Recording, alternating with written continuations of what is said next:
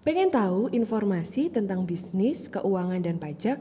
Dengerin terus di Cash, The Consulting Podcast, agar kamu selalu update informasi seputar bisnis, keuangan, dan pajak.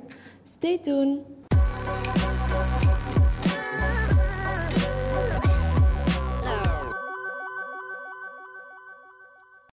Halo, kali ini saya akan membahas tentang bagaimana sih SOP yang tepat untuk pembelian di perusahaan manufaktur.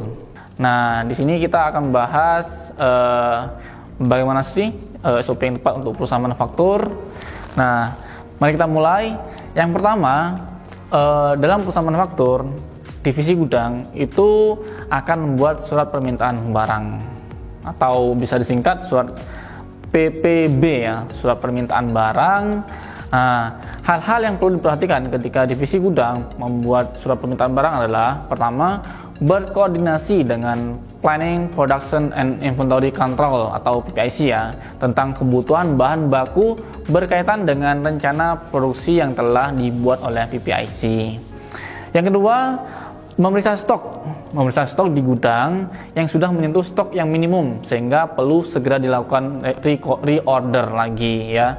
Nah, yang ketiga, orang gudang wajib meminta persetujuan PPIC ya untuk mencegah kesalahan stok yang tidak diperlukan. Nah, PPIC di sini memiliki tugas sebagai unit perencana sekaligus memastikan ketersediaan stok sehingga perlu berkoordinasi dengan gudang gitu ya.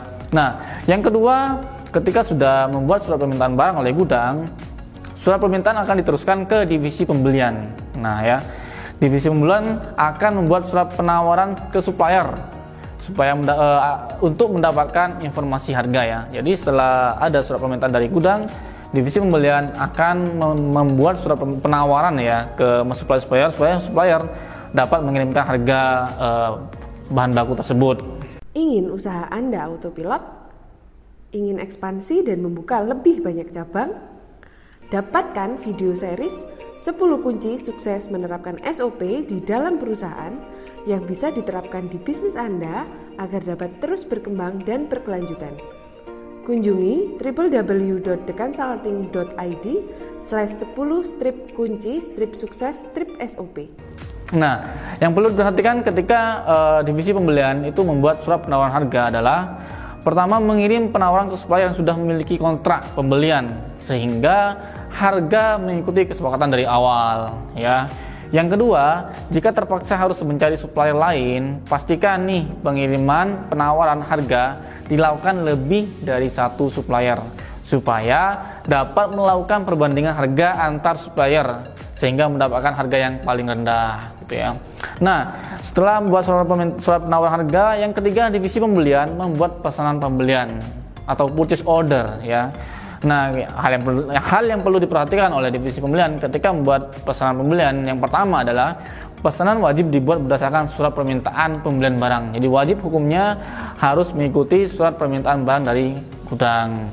Yang kedua, divisi pembelian wajib meminta persetujuan PPIC ya. Nah, ini setelah mantap, setelah pasti membuat purchase order harus disetujui oleh PPIC.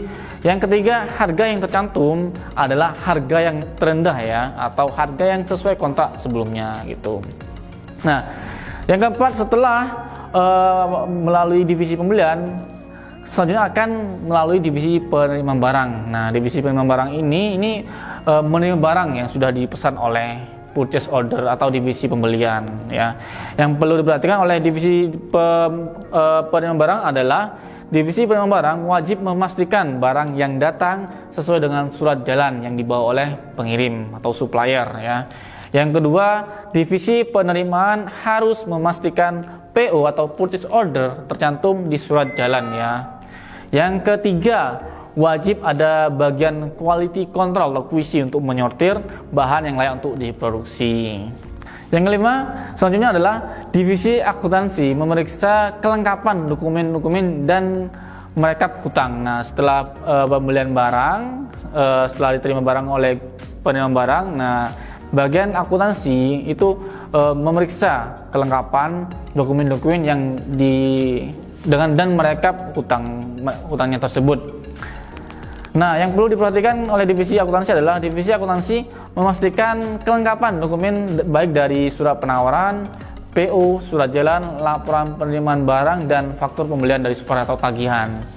Yang kedua, divisi akuntansi ini memeriksa pihak-pihak yang terkait sudah mengotorisasi dokumen-dokumen tersebut. Jadi pastikan semua dokumen sudah ada otorisasi dari e, berbagai pihak yang bersangkutan. Yang ketiga, divisi akuntansi melakukan pencatatan hutang ke supplier, ya. Yang keempat, setelah memeriksa kelengkapan dan otorisasi, divisi akuntansi meneruskan ke finance untuk dilakukan pembayaran. Nah, nah setelah akhir adalah ketika sudah lengkap dokumen-dokumen, finance akan melakukan pembayaran berdasarkan invoice tersebut. Nah, ketika melakukan pembayaran, finance harus memperhatikan pertama memeriksa kembali kelengkapan dokumen baik surat penawaran, PO, surat jalan, laporan penerimaan barang dan invoice. Yang kedua, finance membuat schedule pembayaran jatuh tempo, jadi uh, membuat schedule ya supaya bisa mengatur cash flow-nya. Yang ketiga, finance mengajukan atau meminta persetujuan pembayaran ke manajer atau pimpinan. Jadi ketika mau melakukan pembayaran harus uh, meminta persetujuan, persetujuan terlebih dahulu ke manajer atau pimpinan. Yang keempat adalah finance mengarsip bukti pembayaran beserta dokumen terkait.